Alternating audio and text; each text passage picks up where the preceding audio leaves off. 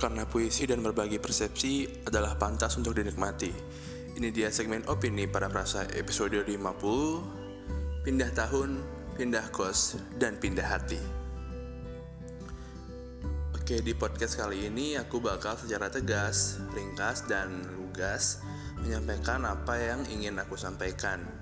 Nah, sebelumnya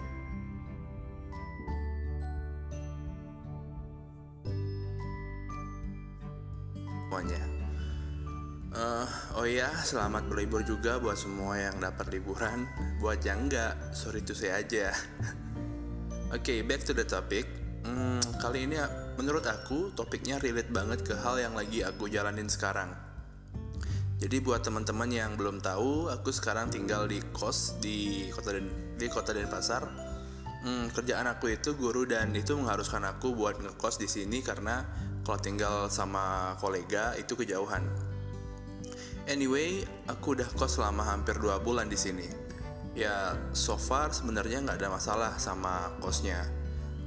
Kamar uh, kamarku paling pojok, which means privacy banget buat aku untuk mau ngapa-ngapain gitu.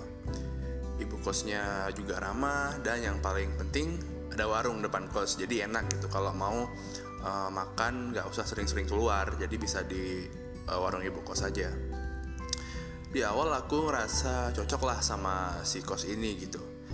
Nah seiring berjalannya waktu ada beberapa ketidaknyamanan yang aku temuin mulai dari panasnya kos di waktu malam dan tetangga depan kamar kos yang sering banget minta hotspot air, air galon sama korek buat sembahyang yang jujur itu ngeganggu aku banget gitu Nah, alhasil dengan segala pertimbangan, aku pilih buat pindah kos.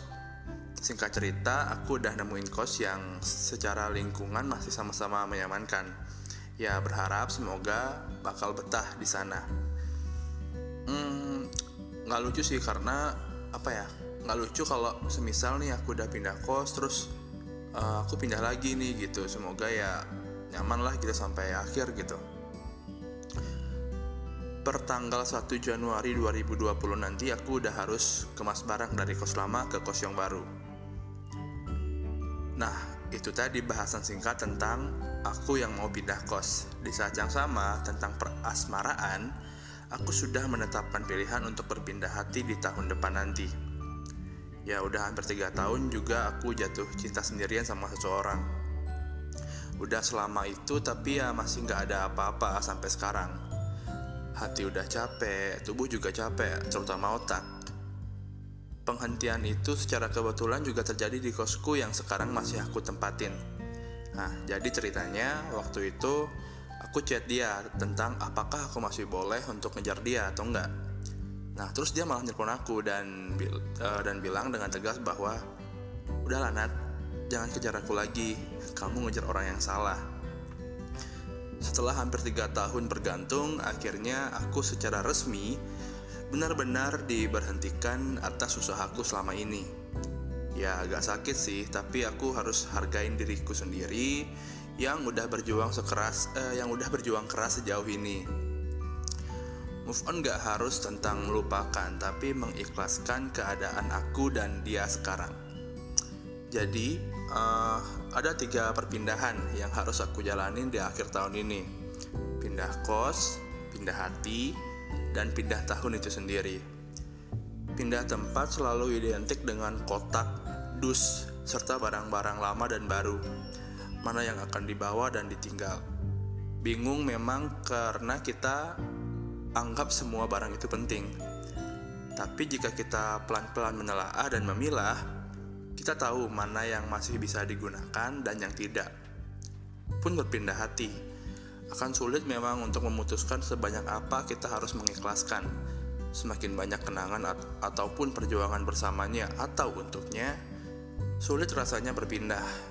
Ya, pelan-pelan aja. Kalau kamu ngerasa itu masih ingin kamu kenang, bawa aja. Jikalau ternyata tidak, ya waktu akan menghapusnya dari alam sadarmu. Aku percaya selalu ada hal menarik di tempat yang baru. Entah semakin baik atau buruk, itu tergantung cara kita beradaptasi dan hati beradaptasi. Dan akhir kata aku mau ngucapin buat semua pendengar, ayo berpindah. Oke, sekian segmen opini para perasa kali ini. Uh, terima kasih sudah mendengarkan. Sampai jumpa di episode berikutnya. Emma Kusuma and Simon says snap your fingers.